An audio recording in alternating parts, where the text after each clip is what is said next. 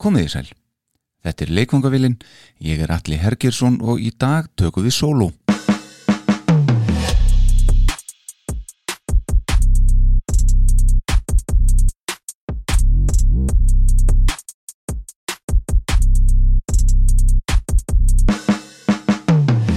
Umfjöllunarefnið í þættinum að þessu sinni hefur Mark sannað að hann er einn af betri gítarlaugur um heims. Spilastill hans er mjög áhugaverður sem er án vafa stór hluti ástæðunar hversu langt hann hefur náð. Að auki er hann frábær laga og textahöfundur og með þessa yfirbyrði var hann frontmaður hinnar mögnuðu hljómsveitar Dire Straits sem hann stopnaði á sann bróður sínum og fleirum árið 1977. Sjálfur er ég aðdáðandi hans en ég var ansi ungur þegar ég heyrði fyrst í Dire Straits á æskuheimili mínu en sýstir mín sem er 13 árum eldri en ég spilaði plötur þeirra ring eftir ring. Ég man vel að þetta ungur heyrði ég og skinjaði töfrana í þessari tónlist strax og síðan hefur Dire Straits átt stað í hjarta mínu.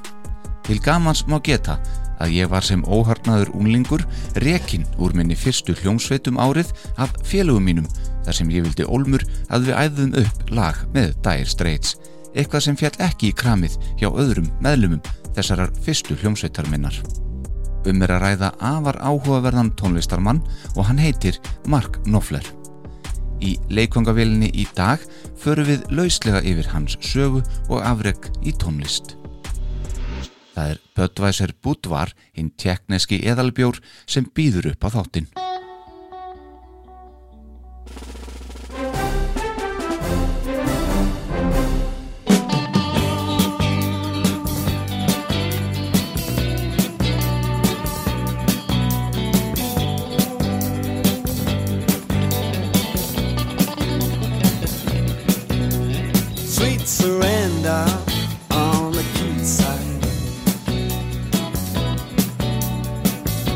Remember we used to run and hide. In the shadow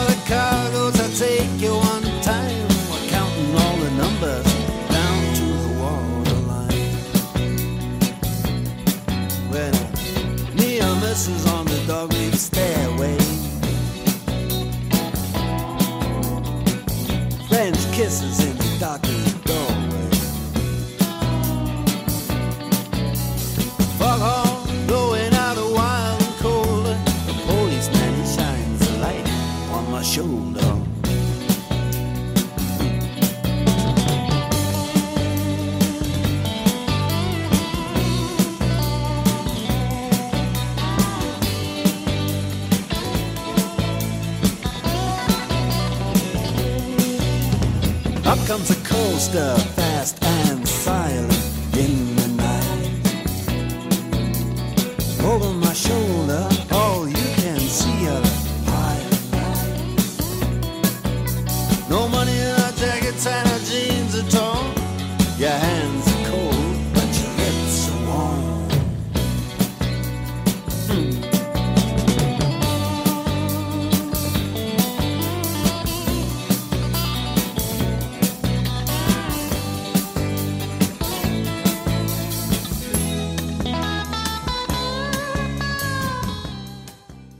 Árið er 1939 og setni heimstyrjöldin er við það að brjótast út fyrir alvöru. Rétt liðlega þrítúr arkitekt flýr heimaland sitt Ungverjaland en þá hafði hann verið pólitískur fangi þar í landi í þó nokkur tíma. Hann hétt Örvin Nöfler. Hann var gýðingur og afar hæfileikaríkur skákmaður.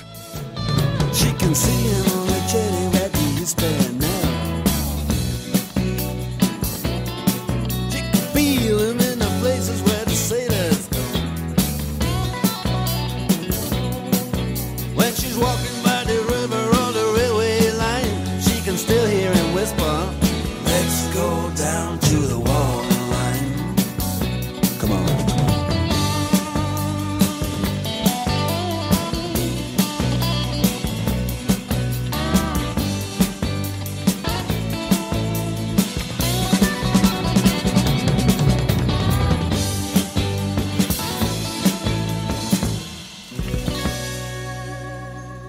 settist í fyrstu að í borginni Newcastle í Englandi og fljótlega kynntist hann þar framtíðar eiginkonu sinni og lífsförunutt.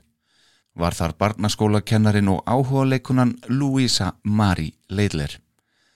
Örvin og Louisa giftu sig árið 1944 og þremur árum síðar eða árið 1947 fættist þeim þeirra fyrsta barn, stúlkubarn sem fekk nafnið Ruth Selma, Ruth Selma Knopfler. Og þið heyrið að þarna var Örvin búin að breyta frambörðunum örlítið á eftirnafni sínu og þar að leiðandi fjölskyldunar úr Knopfler í Knopfler. Knopfler hjónin fluttust með nýfætta dóttu sína til Glasgow í Skotlandi og settust þar að. Louisa hófa kenna þar í borg og örfin naut mikillar velgengni sem vinsæll skákmaður og kefti hann reglulega á stærstu skákmótum Skotlands þess tíma. Til að mynda náði hann öðru sæti í skoska meistaramótunu árið 1953 og toppaði hann þar með skákferilsinn. En áður en að því kom stækkaði Knopfler fjölskyldan því í hópin bættust tveir sinir.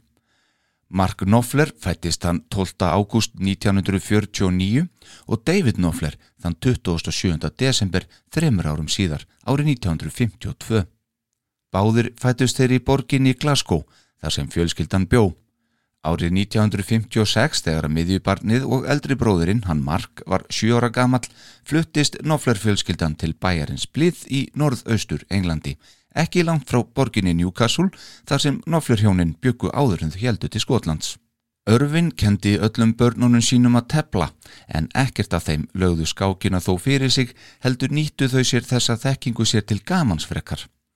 Bræðurnir Mark og David fengu hins vegar snemma áhuga á tónlist og átti tónlistin eftir að eiga í þeim hvert bein um ókomna tíð og sennilegast til döðadags þeirra begja. Ruth Selma, sýstir þeirra, fetaði hins vegar í fótspor móður þeirra og starfaði hún sem háskólakennari stærstan hluta starfsæfið sinnar en Ruth Selma lest í júli árið 2020, 73 ára aldri. En hverfum á ný aftur í tíman? Allt til sjönda áratugs síðustu aldar.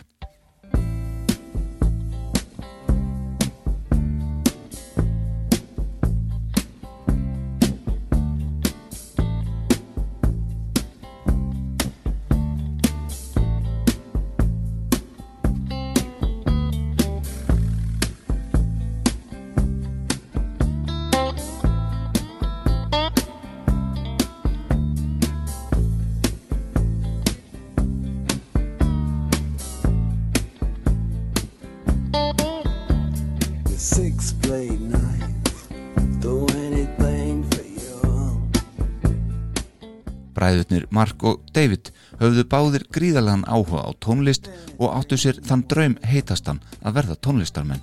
Lítið annað kom stað og þegar únlingsári nálguðust og gengu lóks í garð hafði eldri bróðurinn Mark þrábyðið foreldra sína um rafmaskítarað gjöf en án árangus. Ekki var bara um einhvern rafmaskítararæða sem Mark langaði svona mikið í heldur var það draumur hans að eignast Fender Stratocaster eins og sjálfur Hank Marvin úr hljómsveitinni The Shadows notaði. En svo hljómsveit og alls ekki síst einmitt fyrrnemdur Hank var það sem Mark held sérstaklega mikið upp á. Árið 1964 þegar að Mark var 15 ára gamall fekk hann draum sinn uppfyltan eða því sem næst. Örvin, fadir hans, færði honum rafmaskítarað gjöf. Reyndar ekki Stratocasterinn eins og Hank notaðist við heldur þýskan höfner Super Solid sem passaði betur við efnahag Nofler fjölskyldunar. Mark sem er örfendur spilar þá eins og réttendur á gítar en það vandi hann sig á það frá degi eitt. Hann gati ekki annað en verið ánaður með nýja gítarin sem hann hafiði eignast en viðkendi þó síðar að hafa orði fyrir örlittlum vonbriðum með tegundina.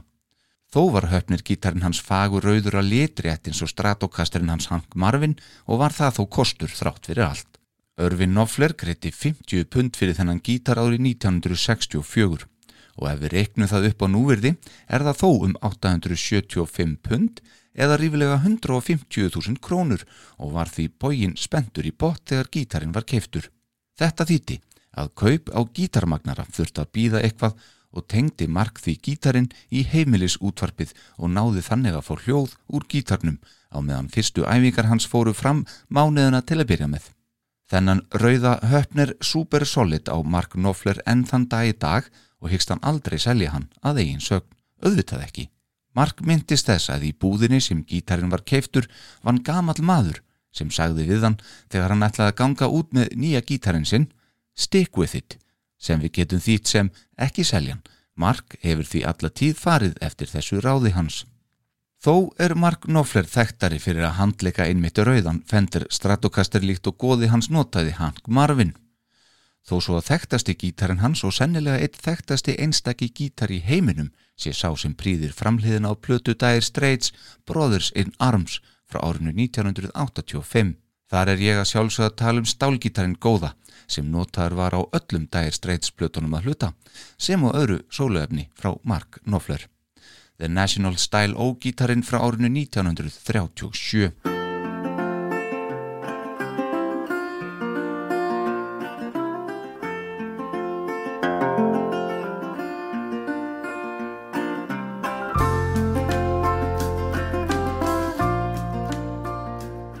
annar gítar sem Mark Knopfler á að sjálfsögðu enn í dag á samt Les Paul 1958 árgerð og fleirum til.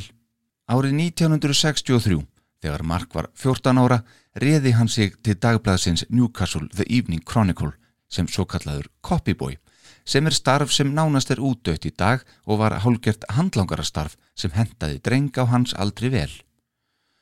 Á meðan hann syndi þessu starfi á samt námi sínu spilaði hann með ýmsum hljómsveitum sem engar náðu aðtikli til að tala um. Þar var að spilað mikið af tökulögum frá listamönnum eins og Elvis Presley, Chet Atkins, B.B. King og auðvitað The Shadows. Gikkin urðu einhver en náðu sennilega hámarki þegar Mark var 16 ára árið 1965. En þá kom hann fram á lokal sjónvastöðun í Newcastle sem annar hluti dúós sem hann myndaði með bekkjassistu sinni úr mentaskólanum, henni Sue Hercomb. Hér flytjaðu lægið Chili Wind.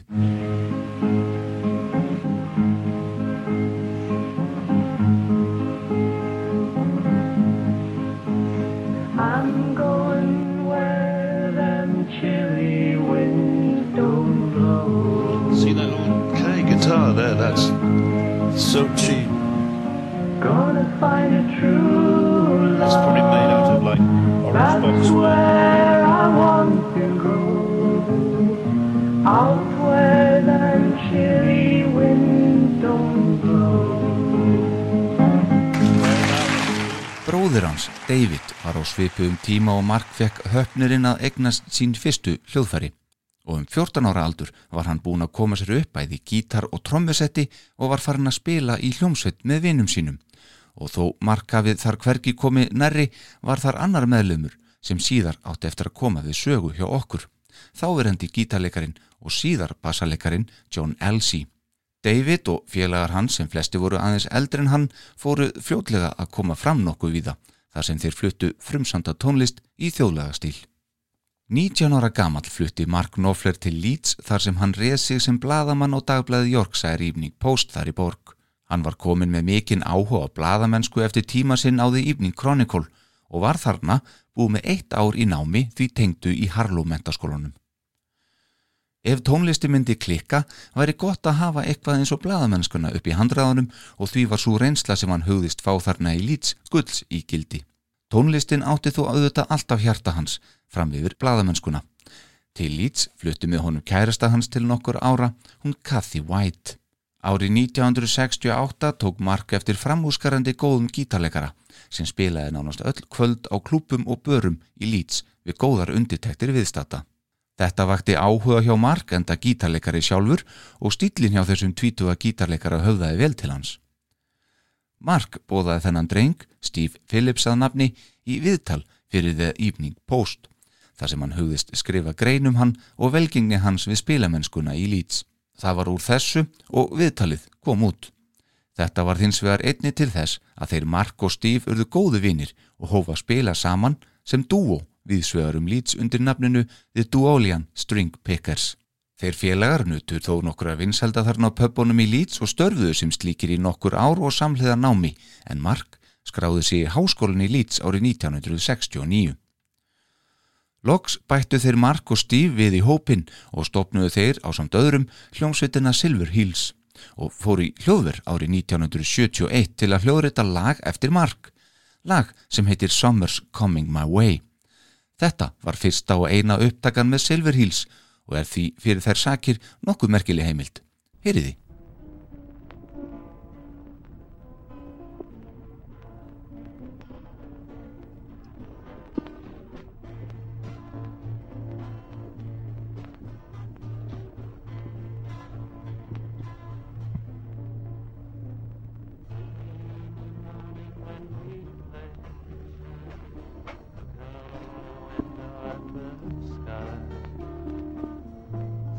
Sun.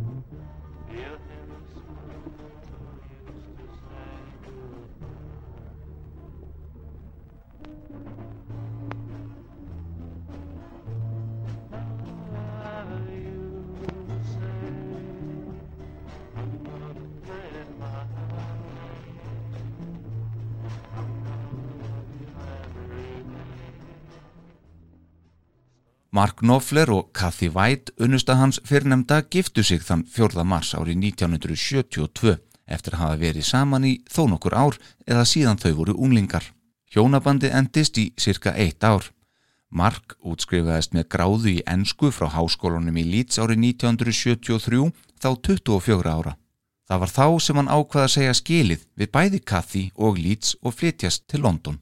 Honum fannst hann nefnilega eiga hellinginni hvað var það tónlistina og samband þeirra hjóna gekk ekki vel. Með háskólagráðuna í farteskinu og þó nokkra starfsreynslu sem bladamaður hugðist hann reyna ennbetu fyrir sér í höfuborginni. Síðar sagði Mark frá því að þessi reynsla hans sem bladamaður hafi hjálpað honum að segja sögur, koma textum frá sér í formi góðrar sögu. Silver Hills lögðu því upp laupana og Mark kom sér fljóti í hljómsveit sem bar nafnið Brewers Droop sem þá hafði verið starfandi í um tvö ár og gefið út eina plötu sem flög ekkert sérlega hátt þó. Þarna hitti Mark fyrir annan aðila sem á einni eftir að koma meira við sögu í þessum þætti. Trommaran David Withers eða Pick Withers. Með Brewers Droop fór Mark Knopfler í hljóðver strax þetta sama ár, það er 1973. En platan sem þá var tekin upp kom ekki út fyrir mörgum árum síðar eða 1989 og var það aðalega eða sennilega engungu út af því að þarna mátti heyra í mönnum eins og Mark Knopfler og Pick Withers sem setna meir átt eftir að vekja gríðarlega aðtekli og við förum svo sannarlega betur yfir hér á eftir. Heyrum í Mark Knopfler með hljómsettinni Brewers Droop af plötunni The Booze Brothers. Lægið er Rock Steady Woman. I want a rock steady woman. That's all.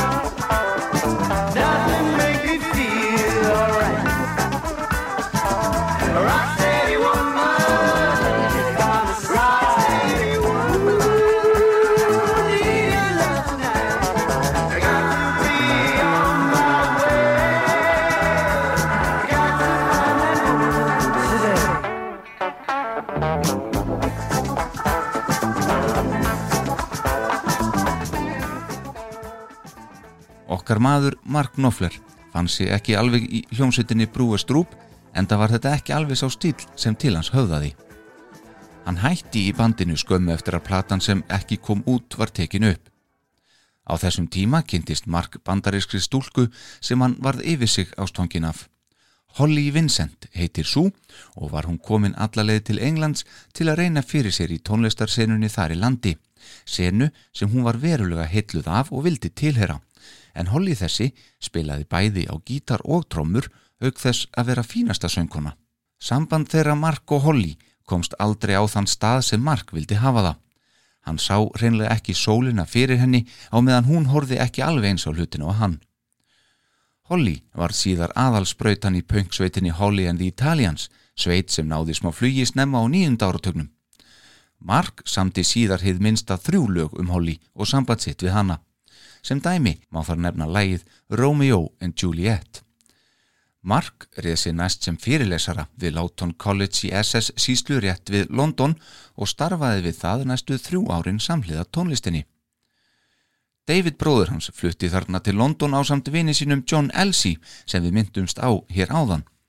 Samhliða fyrirlestastarfinu í Lawton skólan helt Mark þó áfram að spila á pöpunum í London en nú með hljómsveit sem hann stopnaði á samt Pick Withers og þeir kölluðu Coffee Racers.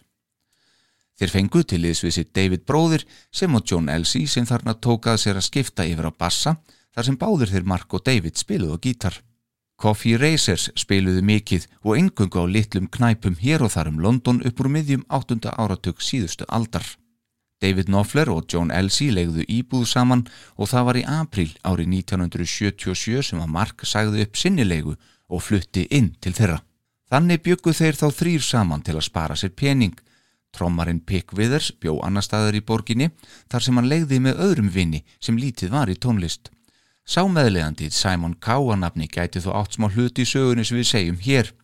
En sagt er að hann sé sá sem fann upp á nýju nafni á breyta hljómsett þeirra á meðan sumir reyndar halda því fram að tónlistamæðurinn Burnsley Swartz sem var og er ágætis vinur Mark Knopfler sé sá sem fann upp á nafninu. En hvað um það? Árið er 1977 og Dire Straits verður til. Þeir höfðu fengið leið á peppagíkonum og ákveða reyna fyrir sér með alvarlegri hætti og fóru að leggja meiri vinnu í lagasmíðar. Mark Knopfler hafði þarnað eigin sögn fundið sína rödd í tónlistinni og átti þó nokkuð sapn af lögum og lagar sem ekki henduðu á pöfnum. Dire Straits fór í hljóðverð þetta sama ár 1977 og tók upp allmörg lög sem demo en þessar upptökur ætluðu þeir að reyna að nota til að koma sér á samning. Þeim átt að dreifa á útgáfi fyrirtekinu aðra í tónlistabransanum og freysta þess að einhver biti á agnið. Trommarinn Pick Withers var sá með reynsluna í þessu málum enda hafði hann spila hvað mest ofinberlega og á upptökum ef við teljum alla meðlimi Dire Straits með. Meðal annars spilaði hann með velska tónlistamannum Dave Edmunds og ennsku stórsveitinni Magna Carta. Ásamt því að hafa verið meðlimur í hljómsveitinni Spring sem kom frá heimaborg hans, Lester. Innan um öll þessi lög á fyrirnemdum demo upptökum má meira segja finna lag sem var þeirra fyrsti hittar í síðar. Lægið Sultans of Swing. Dire Straits komu allstaðar á tómum kofunum þó. Það er þeir fengu stóra neyð frá öllum sem þeir nálguðust með útgáðusamning í huga. Mörg stór fyrirtæki höfnuðu þeim og einhverjir áttu eftir að naga sig í handabökin setna meir. Þó komu þeir á fundi með útvarsmannunum Charlie Gillett til að leita ráða við stöðunni. Charlie þessi var geysilega vinsall útvarsmaður hjá unga fólkjunni sérstaklega og átti til með að spila mikið af nýri tónlist með hljómsutum sem enn voru að reyna að skapa sér nafn í þætti sínum hjá BBC. Auðvitað voru okkar menn í að reyna að fá hann til að spila eitthvað af þessu demo upptökum þó svo að fundurinn hafi verið dulbúin sem fundur til að fá hjá honum ráð um næstu skref. Charlie fekk þessar upptökur í hendur sínar og persónlega fjallan fyrir einu af þessum lögum og prófaði að spila þessa demo upptöku í útastætti sínum og viti menn.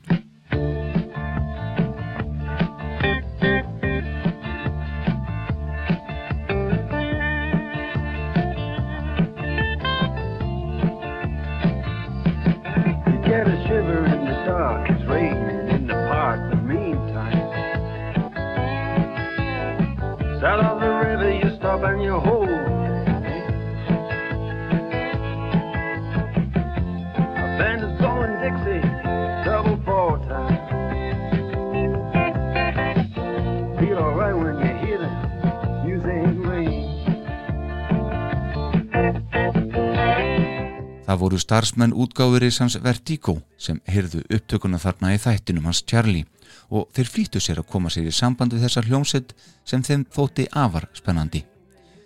Með hjálp Charlie komst það samband á og úrvarð plötusamningur sem undirritaðu var þegar menn höfðu náð saman um tveimur mánuðum síðar. Árið er enn 1977 og Dire Straits voru komni með plötusamning. You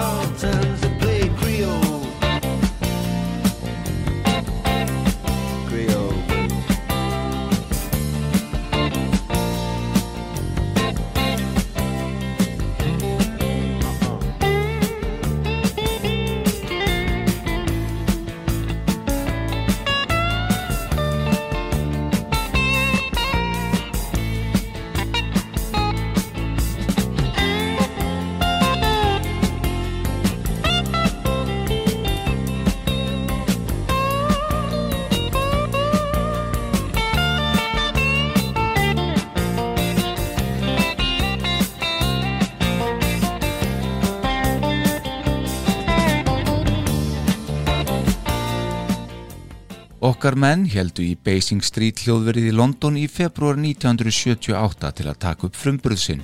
Upptökustjórin sem útgáfi fyrirtæki Vertigo valdi til verksins var Muff Vinút, bassalikari bresku sveitarna Spencer Davis Group. Upptökur stóði í um þrjár vikur og voru á þeim tíma tekin upp nýju lög sem öll eru eftir okkar mann.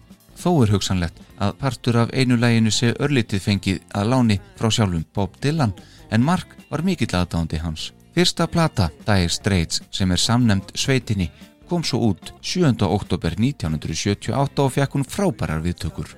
Gaggrínendur voru flestir afar ánæðir með þennan frumbur þeirra og fannst mörgum hér kveða við annan, nýjan og ferskari tón þar sem frumlugur gítarleikur Mark Knopfler vakti sérstaklega aðtekli þeirra. Spilastíl hans er nefnilega ansi sérstakur og þó sérstaklega fyrir þá sem þekkja til þó svo að tótnin sem hann gefur frá sér sé eitthvað sem hrífur alla með. Um þennan sérstaka stíl sinn sagði Mark í viðtali fyrir nokkrum árum að hann væri sennilega martröð allara gítarkennara þar sem hann gerði svo margt ránt sem sjálflærður gítarleikari og bætti við ég held á gítarnum eins og pípari heldur á smíðahamri.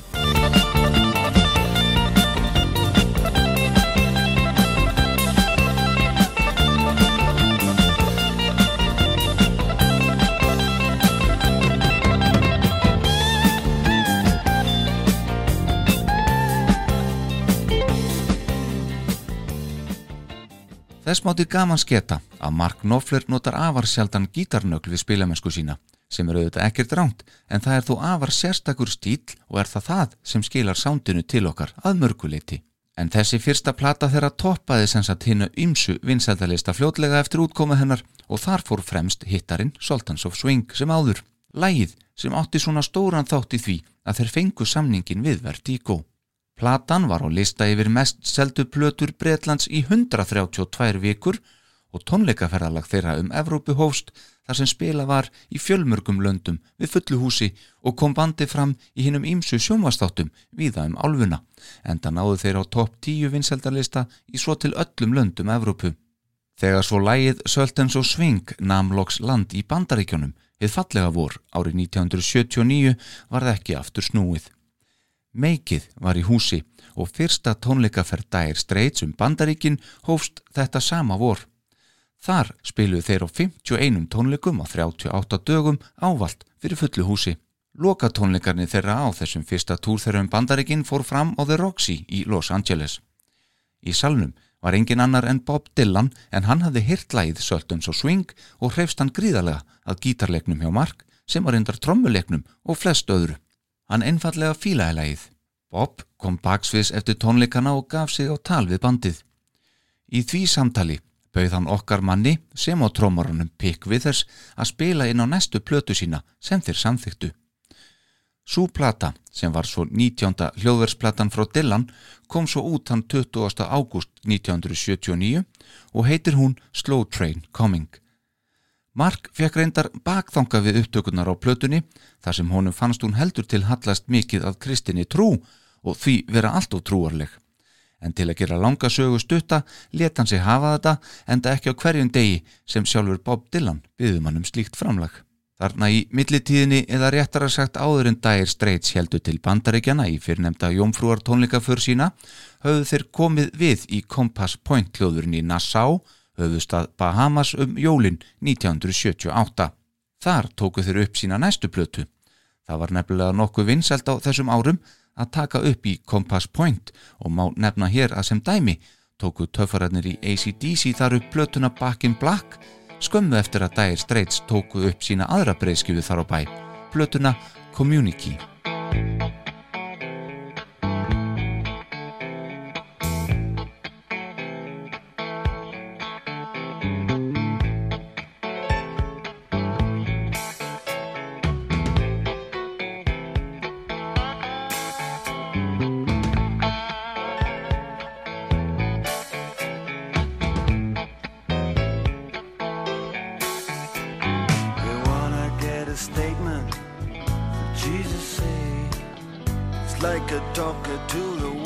Community kom út þann 15. júni 1979 og fekk á engan hátt sömu jákvæðu aðtegli og frumburðurinn fekk. Og sennilegast líka réttilega, þó að þessi plata sé alls ekkit allslæm. Aftur var að finna nýju lög og aftur öll eftir Mark Knopfler. Lögin þóttu heldur til of flöt og allt og máttlaus og jafnvel karakterslaus til þess að geta fyllt eftir magnari plötu sem fyrsta plata þeirra var og er. Löngu síðar viður kendi Mark í viðtali að platan hefði sannilega ekki verið nægilega góð. Hraðinn eftir meik fyrstu plötunar hefði verið allt og mikill. Vegna tíðrar spilamennsku við að fylgja henni eftir hafi hann einfallega ekki haft tíman til að setjast niður og semja betri lög. Platan ber því vota því. Upptökustjórnin á Community var í höndum þeirra Barry Beckett og Jerry Wexler þeirra sömu og sáum upptökustjórnina skömmu síðar á fyrrnemdi plötu Bob Dylan. Platan seldist þó nokkuð vel, enda bandið komið með nokkuð góðan hóp aðdánda víða um heim þegar hér er komið við sögu. Eina smáskefan sem kom út í tengslu við Community var lægið Lady Writer.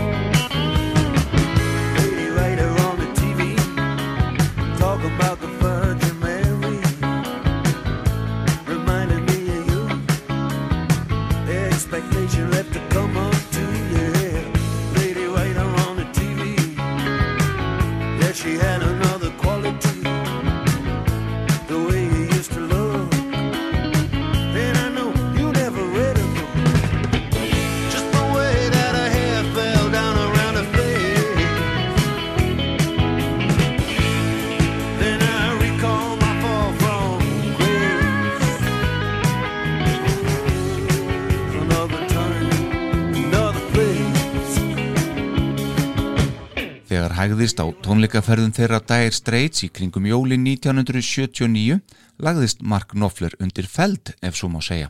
Það er, hann lokaði sig af fyrstu mánuði ársins 1980 til að semja efnið á næstu plötu og bandið tók sér kærkomna pásu á meðan. Svo kom að því. Okkar maður var klár og haldi var enn og ný í hljóður og þriðja plata þeirra hljóðrutuð. Það fór allt saman fram í Power Station hljóðverinu á Manhattan í New York í þetta skiptið sumari 1980 en það voru þeir allir þá fluttir þangað í borg. Mark hafði nokkru fyrr tekið eftir handbræði upptökustjórnans Jimmy Iwen og fekk hann Jimmy til að stjórna upptökunum í þetta skiptið á samdreindar sér sjálfum. Það er Mark og Jimmy styrðu upptökunum saman á plötunni Making Movies. Upptökur á Making Movies gengu ekki snuðurlust fyrir sig. Nei, síður en svo. Okkar maður skipti sér mun meira að öllu ferlun en áður þar sem hann var nú einnig í stól upptökustjórans. Þetta var til þess að í miðju upptökuferlinu öllu lendi þeim bræðurum saman Mark og David og svo síðarnemdi let sér hverfa. David Knopfler hætti í Dire Straits um sumarið 1980 og sneri sér að sínum soloferli sem stendur í raun enn. Soloferill sem eru aldrei náð sömu hæðum og bæði Dire Straits sem á soloferill Mark Knopfler hafa gert. Ágreiningur þeirra bræðra var vist tónlistarlegs eðlis og má fullt vera til í því þó svo að aðri hlutir hljóti að koma þar eitthvað við sögu. Bræðra ástinn getur verið erfið. Mark, Pick og John kláruðu plötuna sem tríó og þó að eitthvað af gítarleik Davids megi finna á plötunni var engin hljóðfærarleikur skráður á hann á plötuumslæðinu sjálfu. Bandið fekk reyndar sessjón hljóðfærarleikara til að aðstóða sig einnig eins og hljómborsleikaran Roy Betan sem spilað hafði mikið með Bruce Springsteen og svo til að leysa David af að einhverju leiti var gítarleikarin Sid McGuinness fengin inn.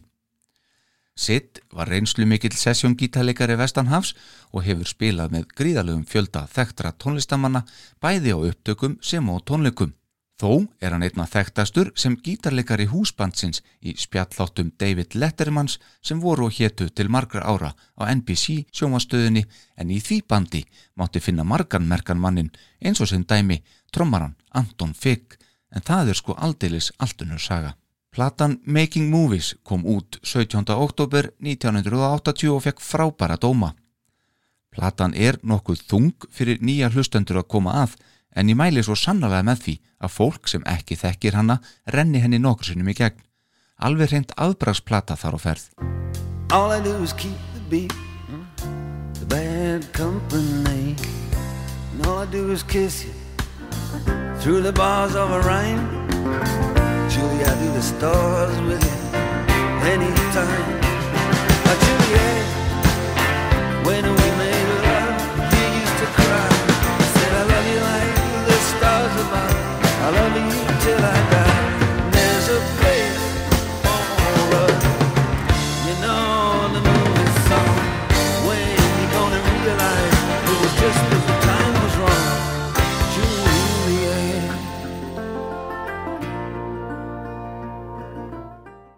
Íslandsvinnurinn David Frick hjá Rolling Stone tímaritinu sagði plötuna Making Movies einfallega að vera breathtaking, svo góð væri hún. Rolling Stone tímaritið setti plötuna síðar í 50. og annarsætið á lista sínum yfir 100 bestu 80s plöturnar. Þá tók tónleikaferlaði við. Til að setja meira kjöt á beinin, þar sem okkar menn voru nú ornir tríó við brottkvarð David Snoffler, voru fengnir inn tveir aukamenn sem fljótlega urðu þó fullgildir meðlimir í Dire Straits. Þar voru á ferð gítarleikarin Hal Lynch og svo hljómborsleikarin Alan Clark sem svo átti eftir að verða mikilvægur partur af hljómsveitinni til lokadags. Making Movies seldist vel um heiminn og fór víða í annarkort gull eða platinum sölu. Þá var hún í alls 252 vikur á topplistanum í Breitlandi. Eitt af betri lögum Dire Straits er að finna á þessari sjölaga plötu innan um mörg önnur frábær lög. Þarna er ég að tala um lægið sem Mark Knopfler samtið til hennar Holly Vincent sem hann var svo ástofangin af og við heyrðum um hér fyrir þættinum. Lægið Romeo and Juliet. Í kjölfar útgáfu plötunar Making Movies tók við Alheims Tour, tónleikaferðalagum allan heiminn sem þeir kölluðu On Location Tour og var þeirra langstærsti túr til þessa. Hann hófst í Vancouver í Kanada þarna strax í oktober 1980 og stóð vel fram á mitt árið 1981 með lokatónleikum í Luxemburg. Nýju menninni tveir þeir Hal Lynch og Alan Clark pössuðu vel í hópin og tónleikaferðalagi gekk vel. Menn þurftu þó að sinni kvíld að halda að því loknu og fóru Dire Straits því örlittla pásu þegar heim var komið. Þá var komið á næstu plötu og enn var það útgáfi fyrirtækið Vertigo sem gaf út. Aftur fóru þeir í Power Station hljóðveri í New York og nú var það Mark Knopfler sem stýrði upptökunum al einn. Það hefur sennilega auðveldað þeim mikið fyrir í þeirri ákvörðun að David bróðir var ekki lengur í bandinu.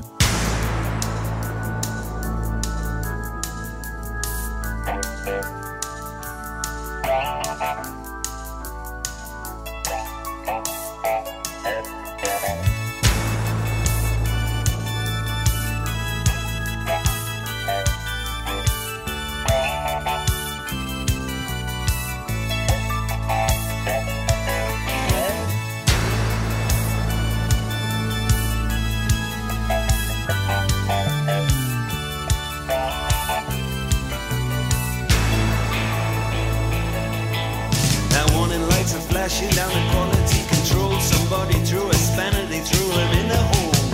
There's rumors in the loading bay and anger in the town.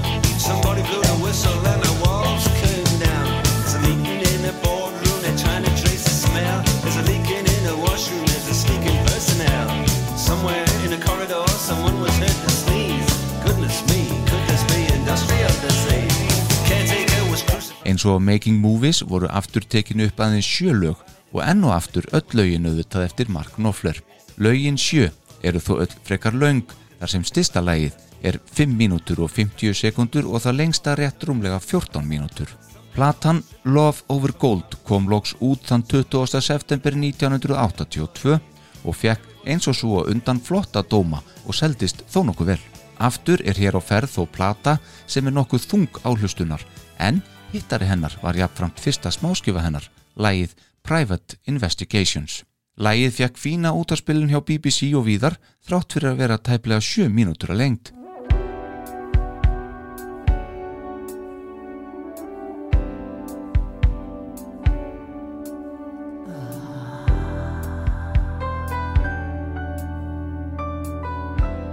Þó svo lögin hafi aðeins verið sjö talsins eins og áður sagði, þá voruðu fleiri tekin upp.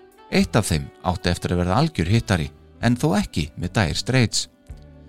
Þegar verið var að taka upp söngin í læginu Private Dancer ákvað okkar maður að hætta við lægið. Honum fannst eins og lægið myndi henda betur kvensöngrött og leta hann enga aðra heldur en Tínu Turner fá þetta lag og það var spott hún.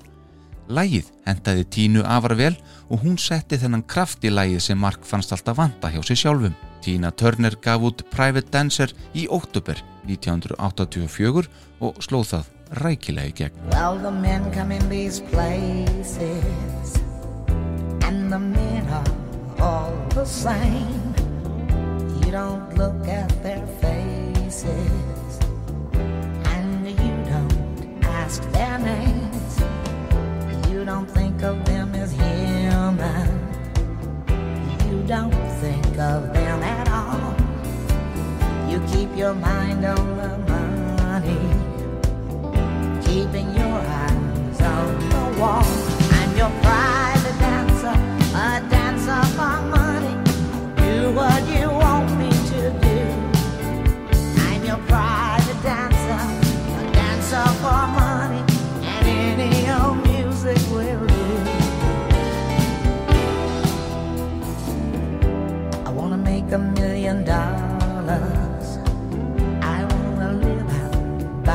the sea have a husband and some children.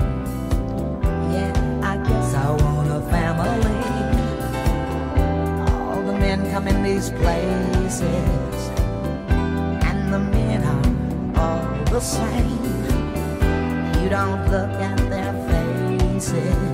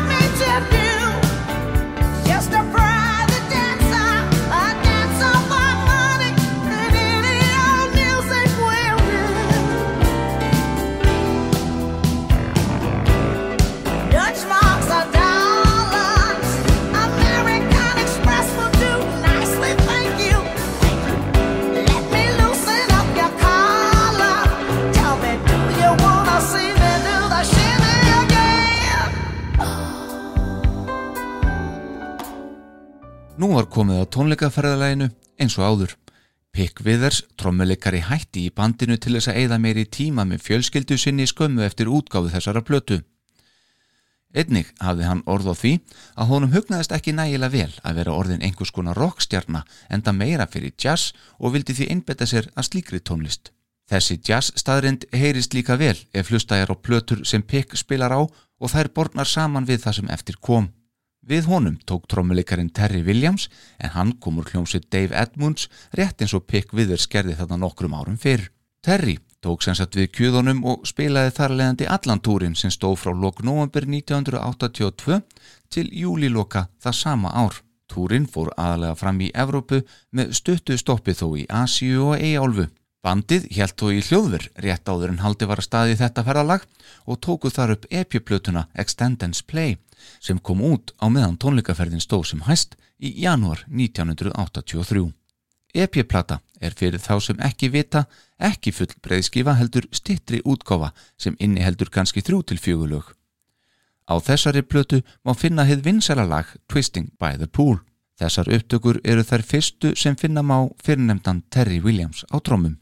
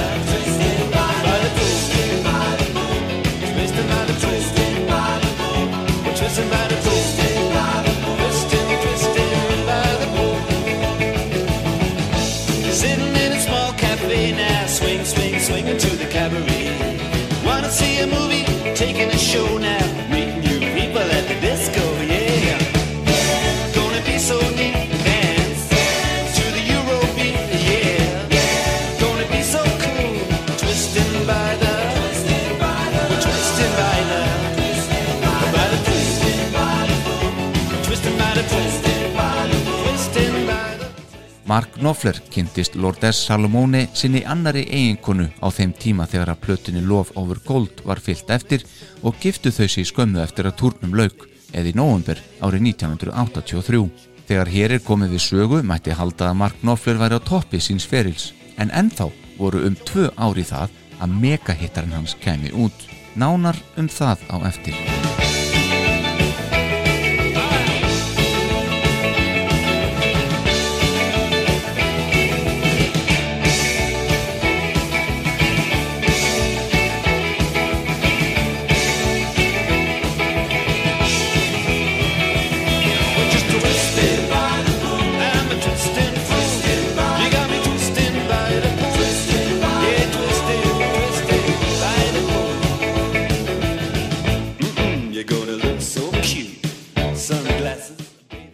Mark var þó hérna farin að semja kvikmyndatónlist sem að stjórna upptökum fyrir aðra. Til að mynda fekk sjálfur Bob Dylan hann til að stýra upptökum og spilin gítar á sinn einstaka hátt í 20. annari hljóðversplötu sinni sem kom út árið 1983.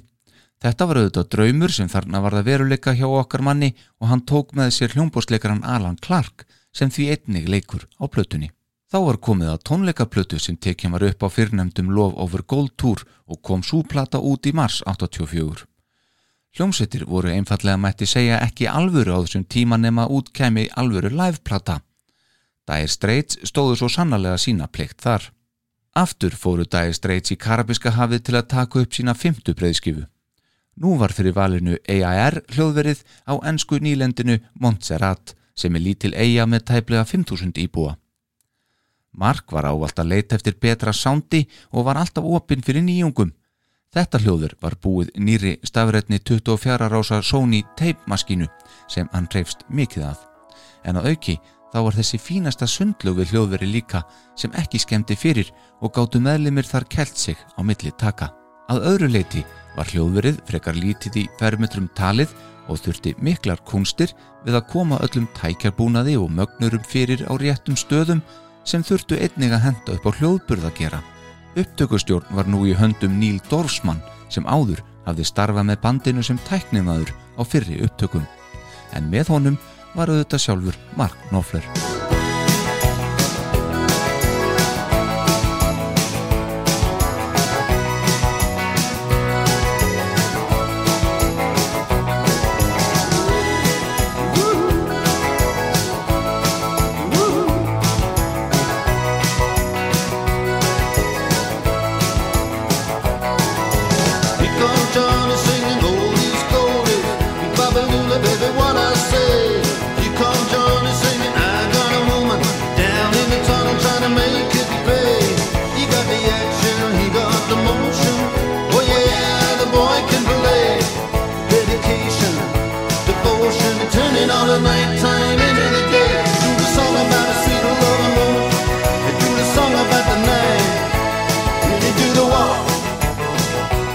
Walk of. Yeah, you do the walk of life.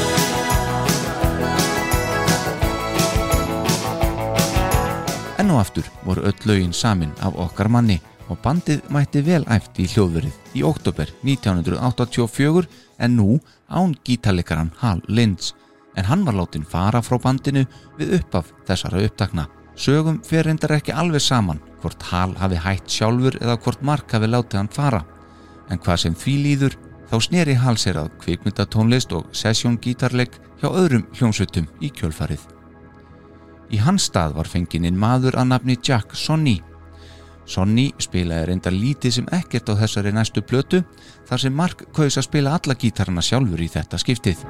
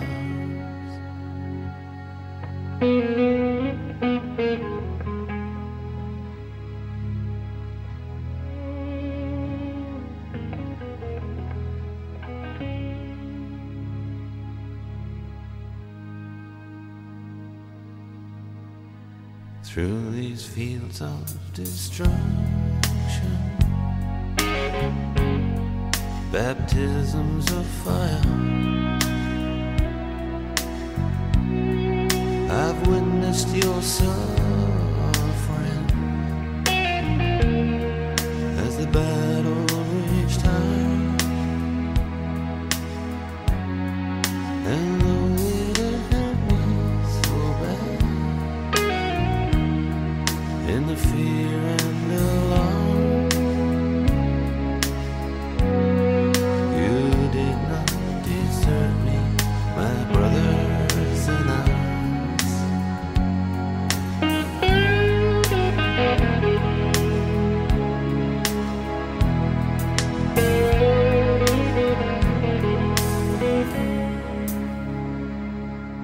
var með þeim nýr meðlumur Guy Fletcher sem sá um syndana sem þarna tröll riðu öllu og spila nokkuð stórt hlutverk á þessari næstu plötu. Guy Fletcher spilaði einni á hljómborð eins og Alan Clark á samt því að sjá um syndana. Þetta eru mid-80s og ekki veiti af tveimur hljómborðsleikurum. Mark Knopfler sagðist þarna engungu hafi verið að taka upp næstu plötu bandsins og hann hefði ekki veitt því mikla að lögin væru þetta góð. En þó hafði hann auðvitað bullandi trú á nýju lögunum sínum og sándinu sem þeir voru að fá út úr þessu hljóðveri sem þeir völdu. Eftir að tökum lauk fengu þeir Mark og Neil Dorsman þó annan trommara til að koma inn og tromma nánast allt upp á nýtt. Þeim fannst Terry Williams ekki hafa verið að ná því sándi og fíling sem þeir leituðu að. Fyrir valinu var algjör þungavíktamaður í trommuleik, sjálfur Ómar Hakim, trommari Weather Report, ásamt því að hafa trommað mikið fyrir David Bowie. Ómar Hakim bjó nefnilega yfir þessari sömuhæfni og upprunalegi trommari Dire Straits, Pick Withers gerði og yfirgaf í raun bandið fyrir. Jazzin, þar var fílingurinn sem Mark leitaði að. Terry hætti þó í raun ekki í bandinu, heldur beitan á jakslinn og held áfram með þeim eftir að upptökum lauk eins og ekkert hefði ískorist. Engver hefði ekki látið bjóða sér þetta. Platan sem þarna var verið að taka upp kom svo út þann 13. mæ 1985 og ber hún heitið Brothers in Arms. Titilægið fjallar um Hermann sem er við það að láta lífið í Falklands eigastriðinu og er engar fallegt lag, bæði lag og texti. Þessi plata geymir líka lag eins og So Far Away sem var fyrsta smáskefan í veröldinni sem gefin var út á geisladisk. En þarna var líka megahittarinn sem ég myndist á hér fyrr. Lag sem Mark fekk hugmyndina að þegar hann var stattur í ráftækjaveslun í New York og horði á öll ráftækin sem umlyktu hann, allt frá örbyggjuofnum upp í fristiskápa og auðvitað öll sjónvörpin sem voru stilt á MTV. Hann fekk blað og penna þarna í búðinni og skrifaði niður textan sem kom í huga hans, en svo fór hann heim og tilvarðalægið Money for Nothing. Gítarsándið sem að heyra í læginu fundu þeir Mark og Neil alveg óvart. Klárlega kemur helmingurinn af sándinu frá því að Mark notar enga nögl þegar hann spilar þetta lag, en hinn helmingurinn var hið minnsta alveg óvart. Það er Annar mikrafónin hafði síið niður og vísaði því ekki beint á gítarmagnaran eins og hinn mikrafónin gerði, heldur niður á gólf. Með því skapaðist eitthvað ekko eða hið minnsta þessi sérstakki hljómur sem þeir leifðu að halda sér og við heyrum á plötunni. Þá vil svo til, eða sagan segir hið minnsta, að sjálfur Sting hafi verið stattur fyrir reyna tilvilun á eigunni þar sem hann stundaði seglbretti. Hann leiti inn í hljóðveri til Dire Straits eitt hádegið og bandið lefðu honum að heyra þetta lag Money for Nothing. Sting varð orðlaus og sagði þeim að þeir höfðu þarna hitt naglan svo sannarlega á höfuðið og þetta er þið hittari. Mark bauð honum þá að bæta einhverju við það sem hann gerði og er hann því skráður meðhöfundur að læginu einnig. En að eiginsögn er eina sem hann samdi í þessu lægi laglínan og sjálfur textin í uppafslínunni I want my MTV. Enga síður og hvernig sem þetta fór fram þá er Sting þarna með á upptökunni og útkoman er stórkosleg. Lægið var gríðarlega vinsælt víða um heiminn eins og áður sagði.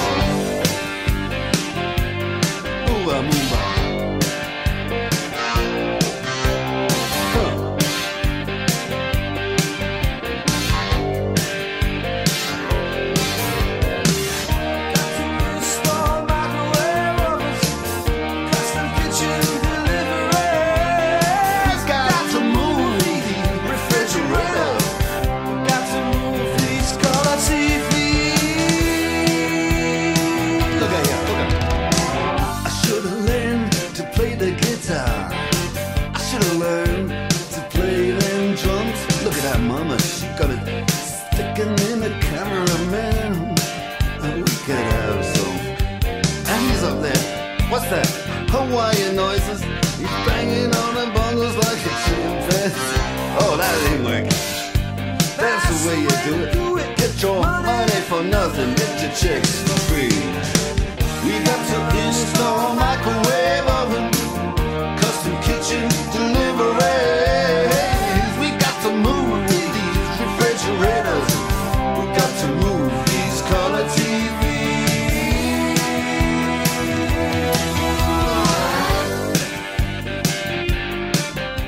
Þá var tónlistamindbandi við þetta lag það fyrsta sem MTV sjónvastuðin síndi þegar opnað var útibú fyrir Evrópu, MTV Europe, þann 1. ágúst 1987.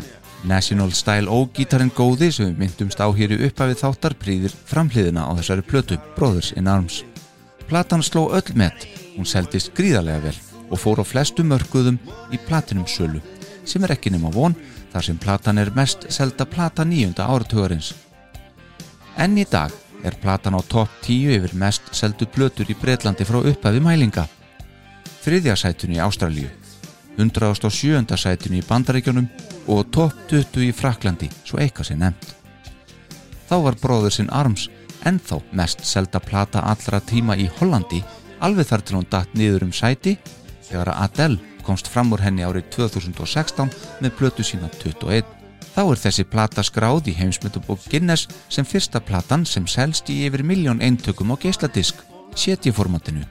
Enda er hún marg verlunuð í gegnum tíðina, hvort sem er talað um Grammy-verlun eða verlun úr hendi Rolling Stone tímaritsins á samt mörgum öðrum. Við tók alheimstúr hjá Dire Straits.